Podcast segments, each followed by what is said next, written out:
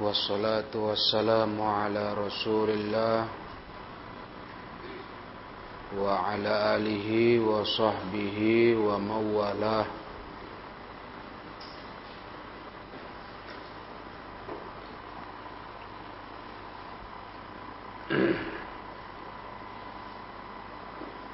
ayat 32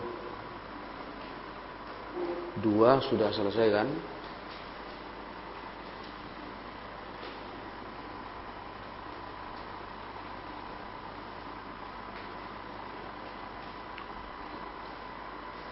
Ayat tentang perintah Allah kepada para istri Nabi secara khusus dan semua wanita secara umum agar jangan melemah lembutkan merendahkan suaranya. Jangan cakap dengan suara yang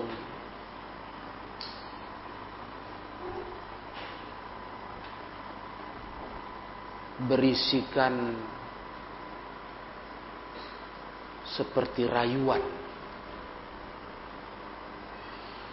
gemulai. Jangan. Nanti orang yang hatinya ada penyakit syahwat akan timbul seleranya. Nah, dan suara perempuan kalau dilemah lembutkan, dimerdu-merdukan suara perempuan adalah aurat. Kalau dimerdu-merdukan. Nah,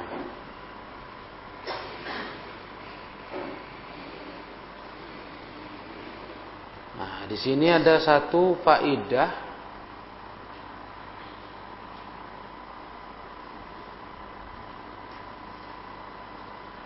kita melihat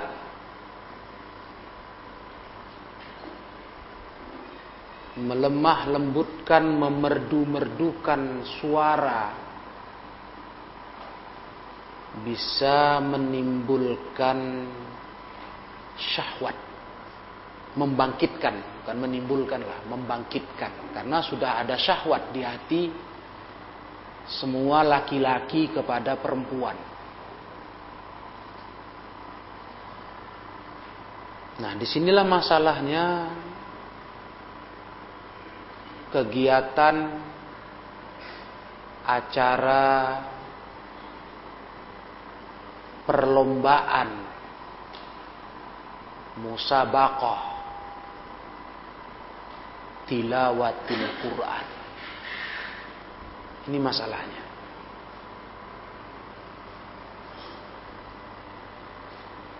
Perlombaan baca Quran yang sering dibuat untuk mencari siapa yang paling bagus bacaannya. Atau kita kenal dengan acara MTQ. Pernah kalian dengar itu kan? MTQ. Musabaqah tilawatil Quran. Inilah masalahnya. Di acara musabaqah tilawatil Quran, perempuan yang ikut sebagai peserta dia harus punya suara merdu. Betul nggak? Bahkan harus sangat merdu selain yang dinilai tajwidnya, makhrajnya, ya. Harus suaranya cantik. Hmm. Bahkan dia berlatih untuk bagaimana tampil dengan suara yang cantik. Iya. Itu latihan berat. Latihan keras. Sampai mengucapkan salamnya aja atau kalian bilangkan assalamualaikum. Itu latihan itu. Bagaimana bagus suaranya. Sedap didengar. Harus betul, nggak bisa sembarangan kayak dia di di pondok ini umpamanya sama kawan bisa. Harus betul-betul mendayu, merdu. Nah. nah, itu yang dilarang agama untuk perempuan. Jadi biar kalian ada ilmu kalau orang tanya apa hukumnya acara perlombaan itu untuk perempuan. Kalau untuk laki-laki ya silahkan aja. Sekarang masalahnya perempuan. Ya kan? Tanya dulu unik dulu ada ya, mungkin karena nggak ngaji lah itu sebenarnya. Nah, ada dulu santriwati di pondok kita ini, itu bapaknya mau permisi, minta izin sebentar anaknya ikut perlombaan musabaqah tilawatil Quran. Dengar itu, mualim terkejut. Loh, itu tidak boleh pak, jangan loh. Anak perempuanmu mau dipertontonkan suaranya, jangankan cuma suaranya saja, itu saja udah salah.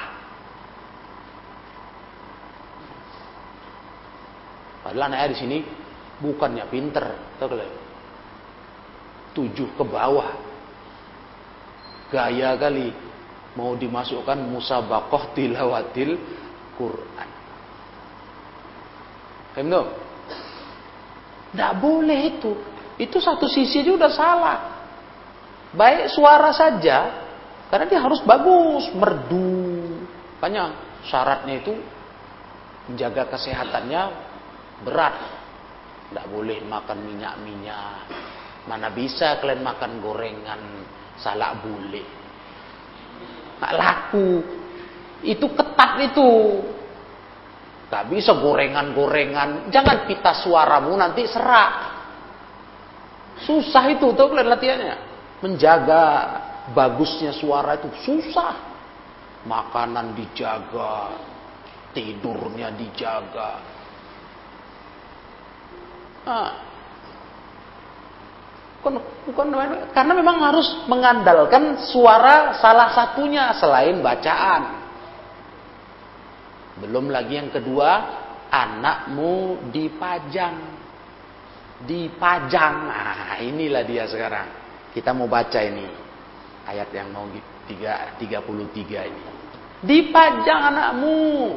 Ditontonkan sama orang sama juri-jurinya, jurinya ngelototin anak gadismu, mantap ini. Hmm? Paten model jilbabnya rapi. Nah, bedaknya enggak cemong-cemong. Gitu. Oleh orang itu kan, bedak itu jangan cemong-cemong, jangan enggak rata. Diperhatikan itu di penilaian penampilan. Bajunya bagus, modelnya bagus. Iya, anakmu dipajang, ditontonin laki-laki. Berarti salah alamat lah kau pak naruh anak di sini. Ah, ah. Akhwat dengar baik-baik ini, kalian ini paling fokusnya. Bukan begitu kerja wanita muslimah. Bukan untuk malah suaramu itu diperlombakan kemerduannya.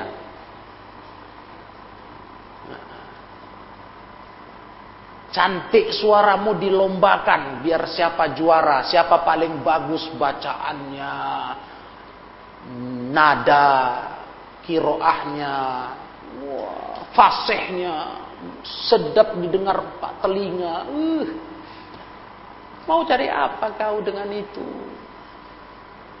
Nah, ini kalau nggak ada ilmu ya begitulah hidup ya. Asal aja. Berprestasi anakku bangga, bangga anak kau kayak gitu. Harokat martabat wanita muslimah di diri anakmu direndahkan. Bukan hebat itu.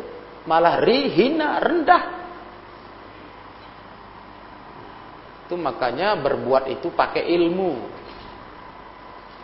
Nah,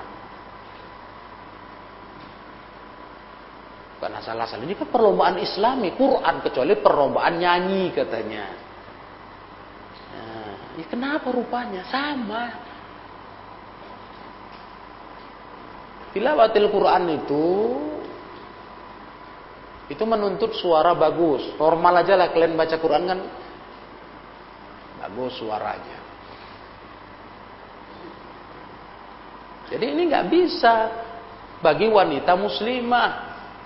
Nanti yatma fi qalbihi marad. Nanti timbul syahwatnya bangkit di hati orang yang ada penyakit syahwat.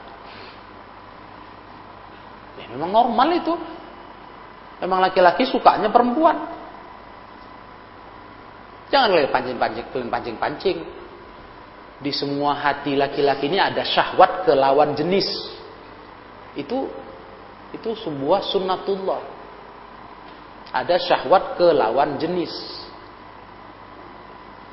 Hmm. Gawat lah kalau sempat laki-laki nggak ada syahwat ke perempuan ya. Abnormal itu, ya kan? Nggak normal itu. Nah, ini mau kalian pancing dengan suara cantikmu, suara merdumu, hai wanita. Makanya Pak lebih parah lagi lah nyanyi, kan gitu kan? Lebih parah lagi nyanyi, udah alat musiknya haram. Kena suara nyanyinya, lirik lagunya la ilaha illallah. Lengkap sudah keburukan nyanyi itu. Perempuan nyanyi, aduh itu udah menunjukkan kerendahan luar biasa itu. Nah, nah, kuat yang baru mondo tahu ini ilmu ini harus tahu. Maka di pondok ini jangan dibawa nyanyi-nyanyi dari rumah. Kenapa? Mau jadi penyanyi kau? Ada juga yang bernyanyi-nyanyi sambil jalan sambil mandi. Yuk mau jadi penyanyi kau? Mau jadi wanita yang dimurahkan dilecehkan? Ya pasti begitu karena dia kayak apa jadi? Kayak istilah kita kayak hidangan. Hidangan murah murah meriah. Semua orang bisa nyicipin nah ini kita belajar di agama ini supaya kita berubah jadi wanita bagus tahu ilmu tahu haram tahu dilarang nggak boleh ini pelajaran yang lalu kita sudah tegaskan kalau perempuan mau lemah lembut merayu-rayu, suaranya mendayu-dayu, merdu-merdu. Ada tempatnya.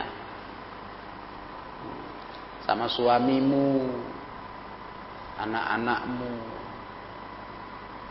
Ini enggak terbalik-balik zaman sekarang ya. Sama laki-laki lain merdu kali. Oh, sedap kali suaranya kalau komunikasi. Sama suaminya la ilaha illallah. Mengerikan kali. Bentak sana bentak sini. Sama anak bentak sana bentak sini. Jumpa laki-laki cakap waduh sedap kali didengar. Merdu. Nah itu kan perempuan sekarang jumpa laki-laki lain gitu. Itu saudari-saudari suara. Dari penampilan pun gitu. Kalau keluar rumah wah cantik cantik penampilannya. Rapi-rapi wangi-wangi dia. Di rumah bau belacan deh bau sambal. Ya kan? Bau ikan. Aduh, semana. Itulah wanita. Mau keluar rumah, cantik, cantik betul, rapi. Udah cantik, rapi, wangi, merdu cakap kalau jumpa. Macam mana coba enggak membangkitkan syahwat? Ah, ini kau ini wanita apa? Wanita baik-baik atau wanita lacur? Kan gitu. Kalau wanita lacur maklum, gak usah kalian heran. Kalian tengok tuh artis-artis tuh. Ya gak usah heran, memang dia jualan itu. Ya harus tampil maksimal. Oh, bahkan itu untuk perawatan dirinya biar tampil maksimal itu nggak main-main tuh. Bukan bisa ratusan ribu, puluhan juta hanya untuk bedaknya, makeupnya, puluhan juta. Mana laku pakai yang murah-murah, nanti nggak laku dia. Kalau dia jualan itu, jual badan, jual kehormatan. Jadi nggak usah kalian tiru itu, kalian tengok. Hmm. Hidup penuh dosa, penuh kerendahan kehinaan. Lupa dia, lupa mereka. Hidup di dunia ini sebentar. Habis ini mati kau lagi. Baru kau tanggung jawab atas dosa-dosamu di dunia ini. Nah ini kita lanjutkan masalah yang berikutnya setelah suara itu tadi. Penampilan. Allah berfirman, Waqarna fi buyutikunna wala tabarrujna tabarrujal jahiliyatil ula. Dan menetaplah kalian hai perempuan, hai istri Nabi di rumah-rumah kalian. Tinggal di rumah saja. Perempuan itu tempatnya di rumah. Itu yang lebih baik Bukan tak boleh pergi-pergi, boleh kalau perlu. Dan ada penjagamu, mahrammu. Kalau tidak kau netap saja di rumah, jangan kalian tabarrojna bertabarruj, berhias diri, bercantik diri seperti tabarruj jahiliyah yang pertama. Orang jahiliyah dulu Dulu begitu, belum ada Islam. Tabarruj. Tampil cantik, mempertontonkan kecantikan diri. Nah, itu dulu. Jahiliyah pertama dulu. Wa aqimna sholata wa atina zakata wa ati'na Allah wa rasulah. Tegakkan oleh kalian solat, tunaikan zakat, taati Allah dan Rasulnya. Innama yuridullah liyudhiba ankumur rijsa ahlal bait wa yutahhirakum tathira. Hanya saja Allah ingin menghilangkan dari kalian ar-rijs, ar-rijs. Kejahatan, keburukan, kotoran dari kalian hai ahlul bait. Allah ingin kalian itu bersih suci. Tahirakum tathira. Itulah keluarga Nabi, istri Nabi. Diatur Islam kayak gitu. Padahal kalau kita pikir-pikir, kayak kemarin pelajaran kita, istri Nabi kalaupun tampil cantik lah, tampil cantik, menampakkan kecantikan diri, cakap lemah lembut merdu, tertarik laki-laki ke mereka, boleh dinikahi setelah Nabi mati? Boleh? Tidak boleh. Itu ibu kita, kayak ibu kandung kita. Status kehormatannya kayak ibu kita, ummahatul mukminin. Tidak boleh. Tapi tetap Allah jaga. Karena itu jelek. Suara merdu perempuan ke laki-laki laki-laki lain itu jelek tabarruj, tampil cantik, jelek itu. Itu enggak sifat wanita mulia. Wanita mulia itu malu dia cantik dirinya nampak kecuali kepada yang halal melihatnya, suaminya. Malu. Nah, itu yang harus kalian tahu. Kalau perempuan sekarang bangga nampak cantik. Oh, bangga nampak tangannya cantik, mulus, bersih, putih. Bangga nampak oh, lehernya. Oh, bangga. Kalau perempuan yang normal, sehat imannya, malu, itu aurat. Malah kalau tersingkap dia, uh, refleks dia tuh kayak kena bara api. Wah gitu, tutup terus. Ih, kalau perempuan sekarang itu kali setelannya. Rok tinggi kurang tinggi. Iya kan? Gak cukup nampak lutut, nampak paha lagi, nampak sempak lagi. Otak kau gak ada memang perempuan. Perempuan yang mana? Bukan semua perempuan ya kan? Perempuan yang kayak gitu. Otak kau tak ada.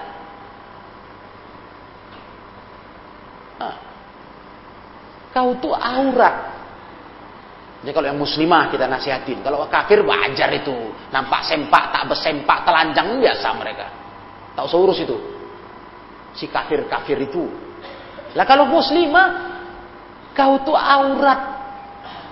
Islam memuliakan muhai perempuan supaya kau jangan dilecehkan, dihinakan, disepelekan. Kan disepelekan itu. Harusnya wanita di, disepelekan laki-laki itu tersinggung. Ah kayak barang murahan aku. Apalagi sempat dipegang. Di, di sweet aja harusnya udah tersinggung wanita. ada singgung, tersinggung nih. Bukan malah mesem-mesem. laku aku gitu. Ah, iya. Kau murahan, kau serbu kau. Harusnya kau tersinggung. Bila bila perlu mulai ajar itu. Kalau ada orang kurang-kurang ajar itu, datangin apa? Makanya kalau orang kurang gitu-gitu, ada kadang ada orang usilnya begitu. Udah tengoknya wanita bercadar pun mulutnya gitu. Datangnya aja wali majar itu, datangin. Mau kau apa bilang? Baru buka merah itu. Pernah kejadian soalnya. Malu dia. Oh enggak, enggak. Malah tersinggung. Kau pikir aku perempuan apa? Apalagi sempat dipegang, sempat astagfirullah dan lain-lainnya. Jadi itu jeleknya orang nggak ada ilmu ya. Nah, ini kalian belajar sekarang. Al-Ahzab 33. Tinggallah di rumah. Apa arti qarna fi buyutikunna ai iqrarna fiha. Kalian menetap saja di rumah kalau nggak perlu keluar rumah. Wanita itu memang diciptakan Allah untuk di rumahan. Ya kenapa rupanya kalau urusan kalian memang rumah saja? Ah, masa kami rumah saja? Kamar, dapur, huh? Kamar mandi. Kenapa rupanya? Kau mau apa hidup ini hai perempuan? Mau surga enggak? Kalau perlu baru keluar, ada perlu. Nah, itu udah sifat wanita nggak baik itu. Nggak ada perlu mesti keluar rumah. Kayak gaya-gaya anak muda sekarang kan, anak remaja nongkrong-nongkrong, kongko-kongko, ya kan? Nah, kalau kalau di Jawa sana istilahnya ngabuburit Pernah dengar Hah? Acara sore-sore duduk-duduk ngabuburit kata orang Bandung. Oh itu anak gadis-gadis keluar rumah dengan walaupun katanya pakaiannya muslimah lah berjilbab juga lah. Tapi celananya ketat. Wangi. Gincunya tebal satu senti. Hmm. Yeah itu tengoklah nggak ada akhlaknya. Apa? Kau ngapain? Kau jual jual diri. Kayaknya nggak laku kali kau ya sampai kayak gitu kali kau.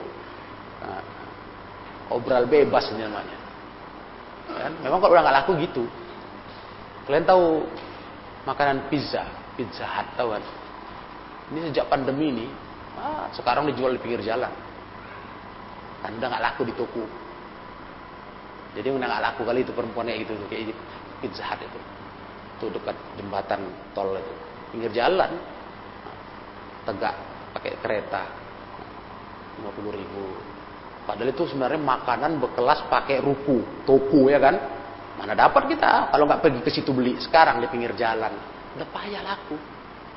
Jadi orang perempuan-perempuan yang keluaran keluyuran di pinggir jalan tuh udah pizza hut tak laku itu. Contohnya kayak gitulah. Jadi harus pergi turun ke jalan. menggatal dulu. Ah, dia pula yang sekarang sibuk nengok laki-laki. Geragas nengok laki-laki. Kan sedih itu. Nah, itu kalau yang di lapangan. Kalau yang di di media maya, ah, dia pula sibuk dengan medsosnya, akun-akunnya. Wow. Pantang ditipu, orang ditipu lagi semua orang. Dibuat nama keren, foto keren, tak tahu entah siapa-siapa tak. Tahu orang cacat tak apa kata. Pantang nih, uh, mantap kali ini. Mantap kali anak muda, lajang nih mantap, abang nih mantap. Perempuan sekarang begitu lah murah, murah, murah, murahnya. Nah, murah kali. Iya. Gampang kali nyambil cari perempuan sekarang, tahu kalian? Kasih pulsa HP, tunduk itu dah. Pulsa aja, pulsa. Dek, mau pulsa dek limpul, dah selesai itu. Oh, udah kelepak-kelepak dia udah. Apa sempat dikasih HP, belikan HP. Oh, wah, sudah, mabuk lah dia sudah. Pulsa 50 ribu peraknya. Udah dapat kita dia. Macam mana sempat kita kasih HP harga sejuta lebih. Walah, halah. Udahlah. Murah kali, hina kali itu kalian. Jadi kalian mondok nih, mulia kalian. Nggak jadi perempuan murah-murahan begitu. Nah, salah satunya nikmatnya apa? Tinggal di rumah. anahu aslam wa ahfad lakunna. Itu lebih selamat, lebih terjaga untuk kalian, hai perempuan. Kalian lebih terjaga kalau di tempat kalian saja, di rumah, di pondok. Terjaga. Nah, teman sekarang bahayanya bukan hanya keluyuran di luar rumah yang bisa perempuan rusak, tapi juga dalam rumah melalui handphone. Maka mualim stop di sini. Karena sama aja, walaupun dikurung kalian di sini, tapi pakai handphone ya sama. Itu wanita sekarang, orang sekarang. Dengan handphone itulah dia rusak, kenalan laki-laki, malah ngirim foto dia. Astagfirullah. Hah? Hah? Selfie lah dia. Aduh, perempuan tuh aurat. Hah? Maka kita tutup biar kamu selamat, kamu terjaga. Kecuali perlu, perlu kali keluar rumah kayak ibu-ibu sekarang mama mama ya kan belanja. Ya sekedar aja. Nah, sekedarnya pulang. Iya, kalau bisa belanja suaminya. Ya kan? Suaminya, betul. Dulunya orang nengok laki-laki belanja tuh heran. Wih, ngapain bininya lakinya belanja? bodoh kali. sekarang udah terbalik, Karena mualim jumpa orang di pajak tuh orang cerita. Yang satu ngomong, aku tak mau aku laki aku belanja. Aku tak bisa aku jadi ngatur duit katanya. Bodoh kali tuh orang mau terima belanja aja di rumah, nggak ikut, nggak dia belanja batasi perempuan ini. Kata yang satu, oh malah enggak lah kalau aku pikir-pikir ya. Hebat kali, enak kali perempuan tuh yang dibelanjakan suaminya. Enggak capek-capek dia keluyur-keluyur kayak kita ini. Makan debu, kadang digoda orang, tukang namanya dipajak manusianya nauzubillah. Rumah setan lah kata Rasul ya kan. Udah terang-terang mama-mama, bawa anak lagi. Badan tuh kayak gentong digoda juga lagi ya. Per, namanya dipajak, itu pajak itu rumah setan. Kalau tadi anak gadis langsing cantik entah pula lah. Mak mama bawa anak. Bisa juga digoda lagi sama mulut-mulut orang. Namanya dipajak. Nah, jadi terakhir perempuan-perempuan ini kayak sadar, wah enak kali ya gitu ya. Yang penting cukup semua katanya. Ngapain repot-repot kita harus keluyuran di pajak. Nah, ya. Pokoknya kita butuh ada, lengkap dibelikan, selesai. Itu. Jadi kalau nggak perlu, hai perempuan, nggak usah keluyuran di rumah saja. Itu lebih selamat, lebih ahfad. Ahfad itu apa? Lebih menjaga. Iyalah. Karena perempuan aurat kan. Kalau keluar apa kata Rasul? Almar'atu auratun idza kharajat istashrofahash syaitan. Syaitan langsung memuliakan dia. Dijadikan alat dielulukan. Perempuan. Hmm. Ngeri. Ini dah kerja setan ini. Dan wala tabarrujna tabarrujal jahiliyatil ula ay la tukthirnal khuruj mutajammilatin au mutatayyibatin la tukhrijnal khuruj. Jangan banyak keluar rumah dengan kondisi mutajammil berhias diri bercantik-cantik mutatayyib iya berbagus-bagus, berwangi-wangi. Jangan kaadati ahlil jahiliyatil ula seperti kebiasaan wanita jahiliyah dulu. Eh rupanya, ah, rupanya wanita-wanita modis itu, nah, yang kata orang keren modis, bergaya-gaya di luar rumah, cantik-cantik, wangi-wangi, dengan pakaian-pakaian yang mahal. Itu rupanya kuno. Dalam sisi dunia itu kuno. Jangan salah kalian. Bukan modern itu, bukan keren. Bukan modern. Kita kan sibuk kali cerita modern kan zaman sekarang. Kalau dunia, modern lah katanya.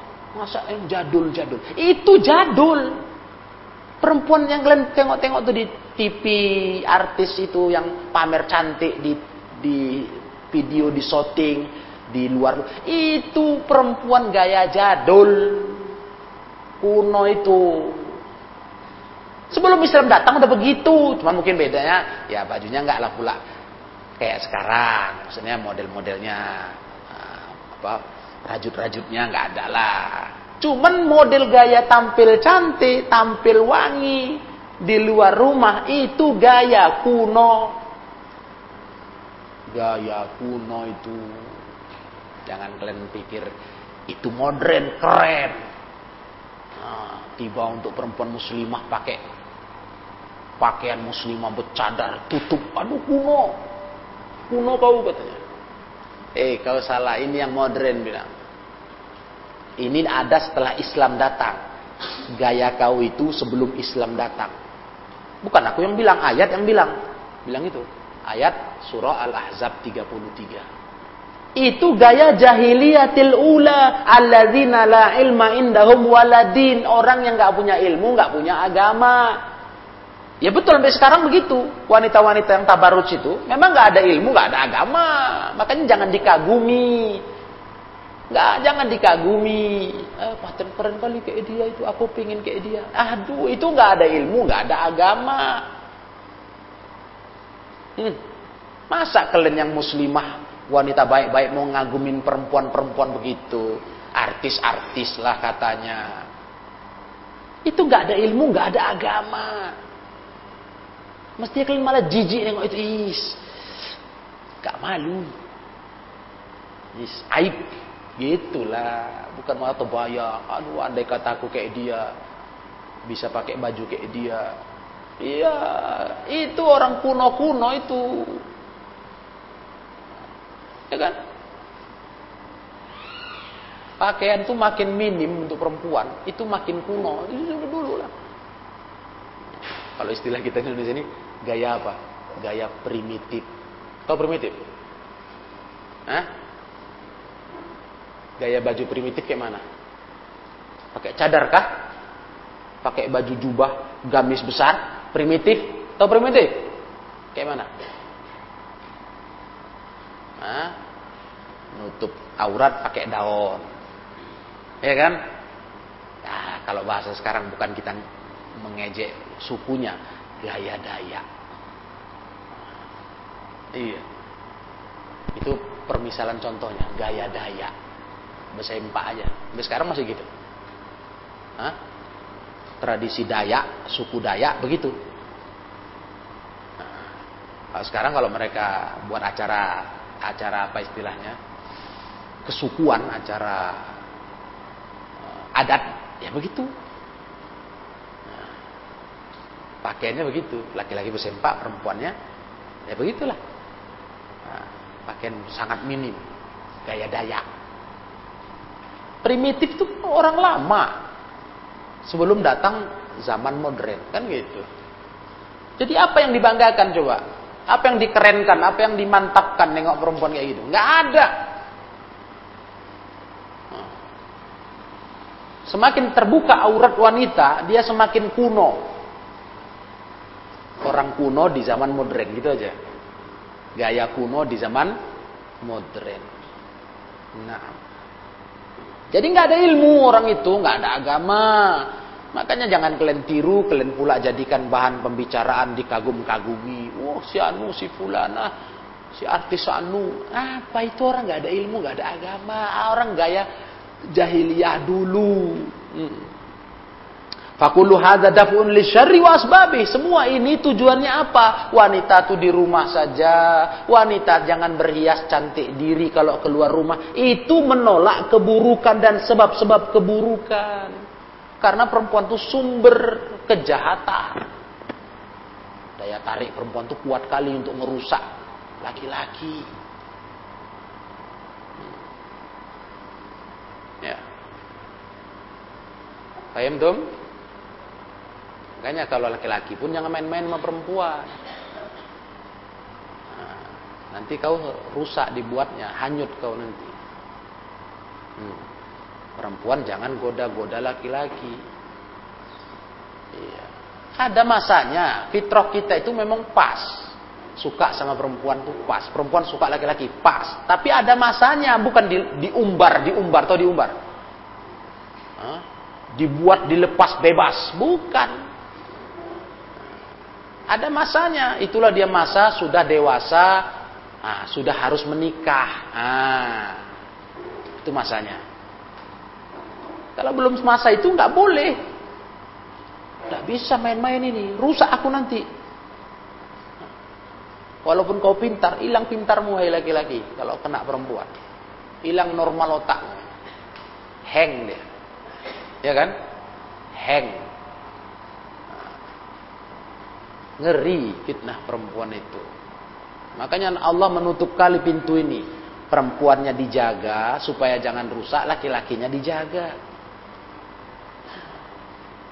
Karena nggak main-main masalah ini. Bahaya. Nah, Allah sayang sama kita. Walamma amarahun nabi taqwa umuman, maka ketika Allah suruh para istri Nabi bertakwa secara umum, wa bijuz'iyatin minat taqwa dan dengan perkara bagian-bagian dari ketakwaan, nasso 'alaiha lihajatin nisa ilaiha. Allah naskan ini karena wanita butuh untuk dibimbing dengan ini, ya kan? butuh dikasih tahu ya namanya orang hidup perempuan pun juga kayak kita laki-laki kepengen keluar rumah. Ya silahkan kalau ada perlu dan itu pun pakai mahrammu. Kalau safar ya. Tahunya kita paham dia pun suntuk di rumah. Suntuk masa di rumah aja. Ayo jalan-jalan. Tapi sama mahram auratmu tutup Pakaian muslimahmu pakai rapi. Jadi nggak boleh kita tamasya ke tempat wisata. Boleh. Kepingin kau itu, ajak mahrammu. Ajak abimu. Hmm. Boleh kita berkunjung ke keluarga. Boleh. Tapi pakaian muslimahmu pakai. Itu bukan pakaian seragam pondok. Ya akhwat. Itu pakaian Islam hijab syar'imu, jilbabmu, jubahmu, pakaian Islam. Biar aja orang komentar, ih masa anak gadis kayak gini ya, mana tertarik orang. Memang aku gak mau tertarik orang kok bilang. Kok pikir aku lima ribuan? Hmm. Aku bukan mau tarik, tertarik orang aku bukan. Nah, gitu. Jadi gimana kau laku? Gak laku lah kau kata. Kon-kon kau tuh tengok tuh ha. Udah dapat dia jantan tuh ha katanya. Iya, hari ini kayak gitu. Hari ini malah lucu zamannya. Orang tua sekarang nengok anak lajang datang sendirian. Mana boncenganmu? Tak pandai kau cari boncengan. Maksudnya apa? Cari cewek. Unik kali. Yang wajar tuh laki-laki tuh harus boncengan cewek. Yang perempuan mana? Mana yang bonceng kau? Jangan kau pergi sendiri. Maksudnya apa? Cowok kau mana? La ilaha illallah. Yang rusak kali lah udah otak masyarakat ini. Jadi kayak kayak begitu bahasanya, masya Allah. Astagfirullah. Jadi kalau mereka tanya gitu, ah, itu kawan kau tuh nggak tahu tuh, udah ada jantan bawa dia. Kapan kau lakunya? Nanti kau nggak laku-laku. Bilang, at-tayyibina lil tayyibat. Wal khabithina lil khabithat. Allah yang bilang. Rabbul alamin. Wanita, laki-laki baik-baik. Jodohnya laki perempuan baik-baik. Laki-laki busuk jelek, jodohnya perempuan jelek. Selesai jodoh tapi kalian yang bilang orang tua-tua dulu kan nasihati nakku jodoh tuh di tangan Tuhan nah taunya kau pak bilang taunya kau mak bilang taunya kau bab, uh, om omku tantiku. Taunya kalian jodoh di tangan Tuhan kan? Kok sekarang kok malah sibuk kali? Kalau nggak kau tampil cantik kapan kau berjodoh? Eh. dia yang bilang dari dulu jodoh tangan Tuhan. Taunya. Dan Tuhan berkata ya bahas mereka gitu Tuhan berkata at-tayyibina lit-tayyibat wal khabithina lil khabithat wanita buruk tuh jodohnya perempuan laki-laki buruk. Laki-laki baik jodohnya wanita baik. Ah jodohku di tangan Tuhan. Betul dibilang itu. Tenang aja. Dah? Akhwat paham ini? Ya? Iya. Jadi perempuan harus diingatkan ini. Nah, maka di sini kadzalika amarahun nabi taat. Maka Allah pun nyuruh para istri Nabi untuk taat. Apa itu? Khususnya as-salatu waz zakat. Salat sama bayar zakat. Allatani yahtajuhuma yang keduanya dibutuhkan oleh para wanita wa yattaru ilaihima kullu ahad dan bahkan semua orang butuh sangat kepada solat dan zakat. Nah, itu. Itu dia.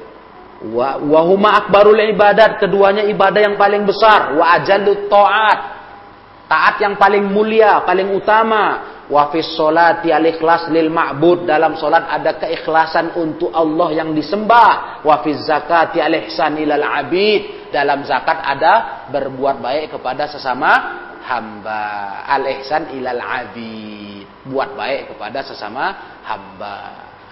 Jadi sholat hubungan dengan Allah zakat hubungan dengan manusia. Hablum minallah wa hablum minan nas. Thumma amarahun nabi ta'ati umuman faqal. Kemudian Allah suruh dengan ketaatan secara umum Allah berkata, "Wa ati'nallaha wa rasulah." Hai istri Nabi, taati oleh kalian Allah dan Rasulnya. Yadkhul fi ta'atillahi wa rasulih kullu amrin umira bihi amru ijabin aw istihbabin. Masuk dalam kategori mentaati Allah dan Rasulnya setiap perintah yang diperintahkan keduanya baik dengan perintah wajib maupun sunat. Nah, taati itu. Hei wanita, khususnya wanita ya, semuanya kita kena. Jadilah wanita begitu. Wanita jaga diri, jaga suara, jaga penampilan. Jangan cantik-cantik depan orang, tutup aurat. Jaga sholat. Jaga zakat kalau kau berharta. Nah, taati Allah dalam hal wajib dan sunat. Iya, sudah. Kau mati masuk surga. Selesai. Enak gak? Hmm. Itu makanya. Dikasih jalan mudah mau hidup bahagia kok seribet-ribet. Ribet-ribet kata orangnya. Jalan mudah masuk surga itu untuk perempuan itu gampang. Nah, ada hadis yang disabdakan Nabi Sallallahu Alaihi Wasallam. Wanita itu masuk surga gampang. Perempuan ya. Wanita itu yang pertama jaga sholat. Sholat lima waktu jaga. Jangan pernah bolong-bolong kalian. Apalagi udah mondok ini aduh. Jangan pernah jangan pernah jangan taat cuma di pondok di rumah enggak. Nah. Yang pertama tegakkan sholat.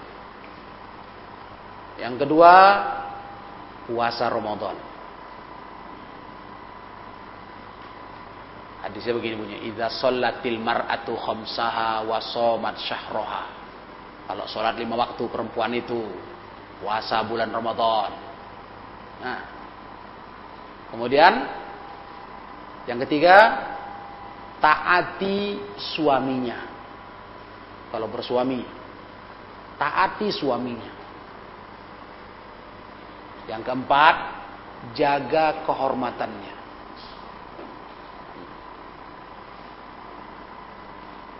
Ya. Idza shallatil mar'atu khamsaha wa shamat syahraha wa hafizat farjaha wa ata'at ba'laha gitu. Urutannya gitu. Salat, puasa, jaga kehormatan, taati suami. Dah. Udah lengkap itu. Kalian jaga Rasul jamin dakhalnal jannata. Masuk surga kalau kau mati. Selesai. Apalagi hidup ini dicari. Apa? Kok ribet-ribet hidup ini? Pening kali. Begini harus begini, aku mau jadi pegawai negeri atau Iya. Yang satu bilang aku mau jadi artis, ya Allah, astagfirullah. Adanya masih akhwat nih punya otak mau jadi artis nih. Mau jual badan kau. Hmm? Gampang aja. Jaga hubungan sama Allah. Jaga hak suami. Jaga kehormatan. Masuk surga kau. Ya, gampang kan? Jangan ribet kali. Dunia ini mau kita tinggalkan ya. Sebentar aja, lewat aja ini. Numpang lewatnya kita ini. Abiri sabi. Numpang lewat. Hmm. Innama yuridullah li bi amrikunna bima amarakunna nabi. Yang hanya saja Allah inginkan dengan perintah kepada kalian apa yang Allah perintahkan untuk kalian. Wa nahyikunna bima nahakunna anhu. Dan ketika Allah melarang kalian, Allah inginnya apa? Diatur begini. Karena kadang-kadang wanita ini ribet kali. Protes. Oh, payah kali diatur-atur kami. Kami kan mau melala, kami kan mau cantik, Tahu kalian maksud Allah ngatur begitu apa? Biar apa? Liyudhiba ankumur. Allah mau hilangkan dari kalian ar-rijsa. Apa rijsa? Ay al-adha wa syar wal khobat. Adha, gangguan. Syar, kejahatan. Khobat, kotoran. Biar kalian itu jangan diganggu. Biar kalian itu jangan dijahati. Jangan jelek nasib kalian nanti.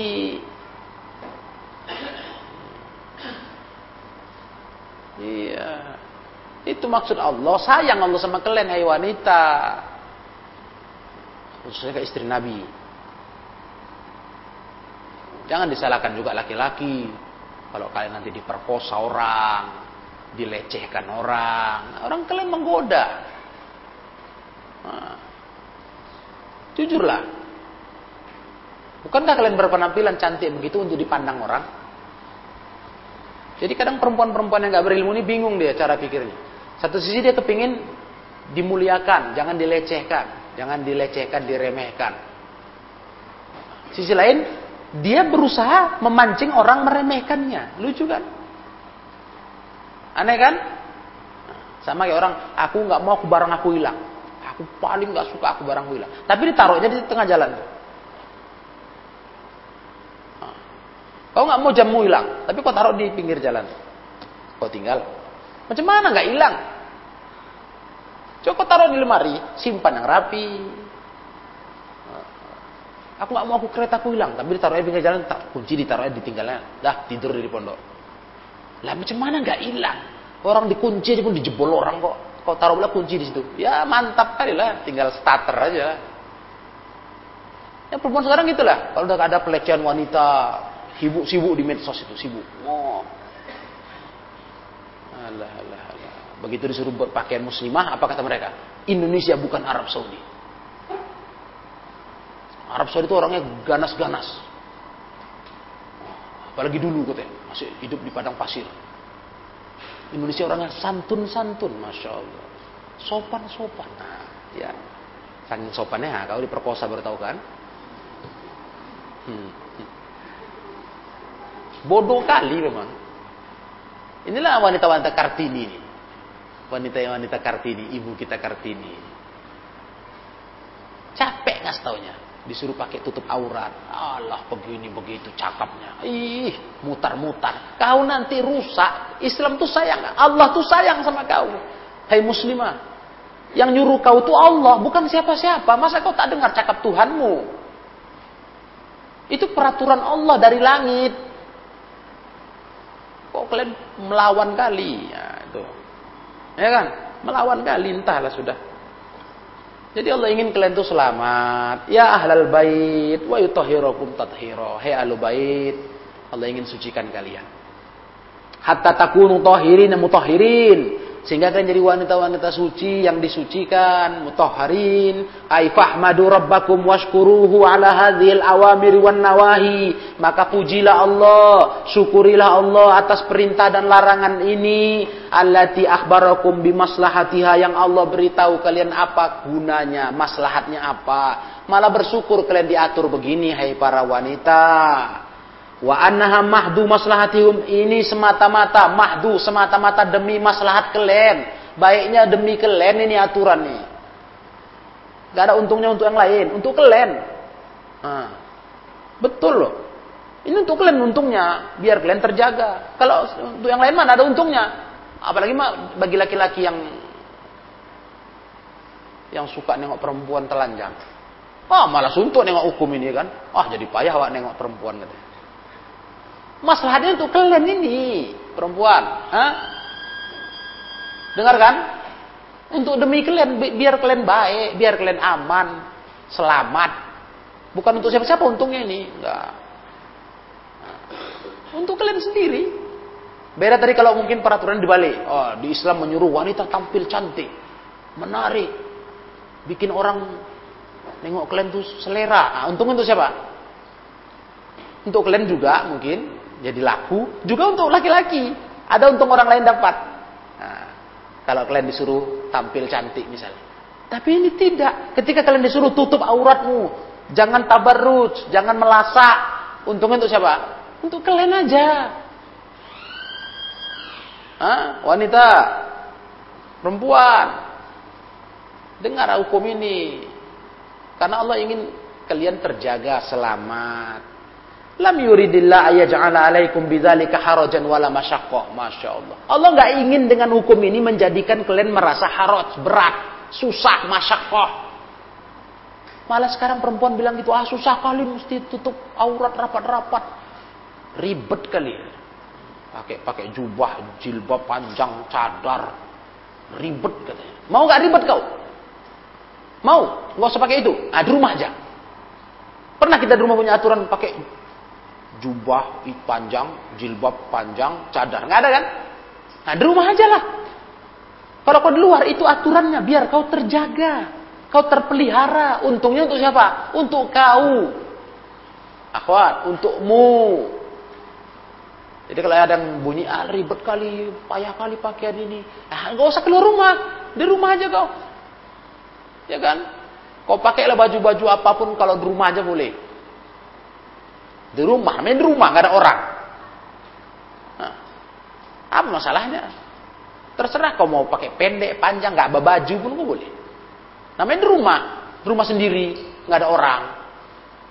Ya. Atau kau di pondok, pakai pakaian yang wajar pas sama kawan-kawan, pakaian mau yang pakaian cantik, ya warna-warna, nah, pakailah. Tapi kalau keluar rumah kau jangan tabarruj, jangan tampil cantik kau, nanti kau rusak, dirusak orang kau. Gitulah istilahnya. Allah tuh sayang sama engkau wahai wanita. Iya. Jadi Allah nggak ingin buat susah malah, buat masyakoh enggak. Bal litatazakka nufusukum. Tidak lain tujuannya untuk supaya bersih jiwa-jiwa kalian. Walitatohar akhlakukum. Biar suci akhlak-akhlak kalian. Wa tahsun a'malukum bah. Jadi bagus amal kalian. Wa ya'zum bidzalika ajrukum. Jadi besar dengan itu pahala kalian. Ayo akhwat. Gimana? Enggak enak kalian. Diatur kali sama Allah. Diperhatikan kali sama Allah. Mestinya kalian bangga diatur gini. Ih, kami spesial kali ya di Islam ini. Diatur kali kami hidup kami.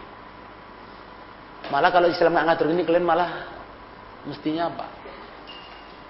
Rugi, merasa rugi. Ih, kami kok diurus ini sama Allah. Ini diurus kali kalian, diurus kali sama Allah.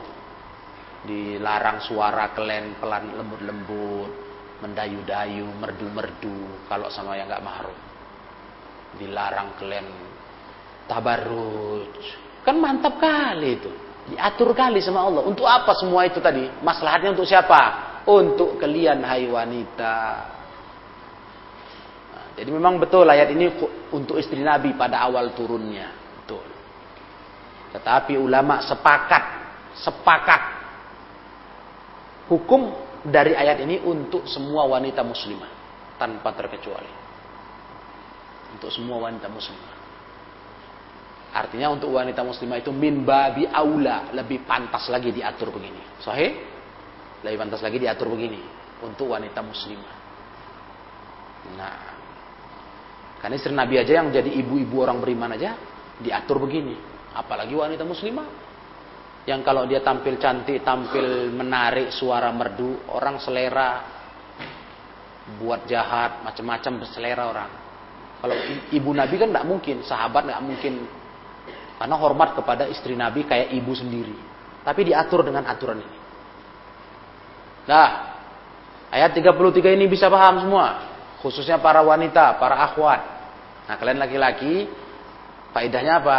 Selain ilmu ini kalian tahu, nah, coba dinasihati orang tua. Ditegur. Kalau nampak mereka melanggar larangan ini, nasihati baik-baik. Umi, janganlah begini. Janganlah tampil cantik di luar rumah. Iya kan? Kalau Umi safar pakai mahram lah. Kalau nggak perlu keluar rumah tak usah lah. Gitu. Atau dia nelpon suaranya agak agak merdu. Sama siapa Mi? Sama ada ini pelanggan katanya. Nah, kok malah cekik cekik agak guyon-guyon dikit lah gitu. Aduh, nasihati nggak boleh, haram. Nah. Ya kan? Ada ayatnya Mi bilang. Itu gunanya kalian nasihati orang tua. Ngerti kan? Pelan-pelan nasihati. Sama cakap sama lawan jenis tumi kalau perlu cakap lurus saja, lugas, lugas tegas. Nah, nggak usah kasar sih nggak, nggak perlu kasar bentak-bentak, tapi lugas tegas, secukupnya. Ya, gitu. Bilang iyanya ya gitu aja, jangan iya. Nah, itu udah bahaya itu. Nah, bilangkan iya aja kok sampai bergelombang berapa harokat? Iya. Macam ilmu tajwid jadi. Berapa harokat. Bilang, ya, udah siap kan? Kan tidak ada masalah kan? Ini di, di, di ayunnya dulu. Nah. Ya, di ayunnya cakap. Sap. Modelnya kayak ular jalan itu. Itu yang menggoda. Bilang, Mi nggak boleh. Alah aku udah tua aja kok. Katanya. Eh jangan salah Mi. Banyak orang selera yang tua. Bilang. Belum tahu mi kan nenek-nenek 70 tahun kawin anak lajang 18 tahun lah.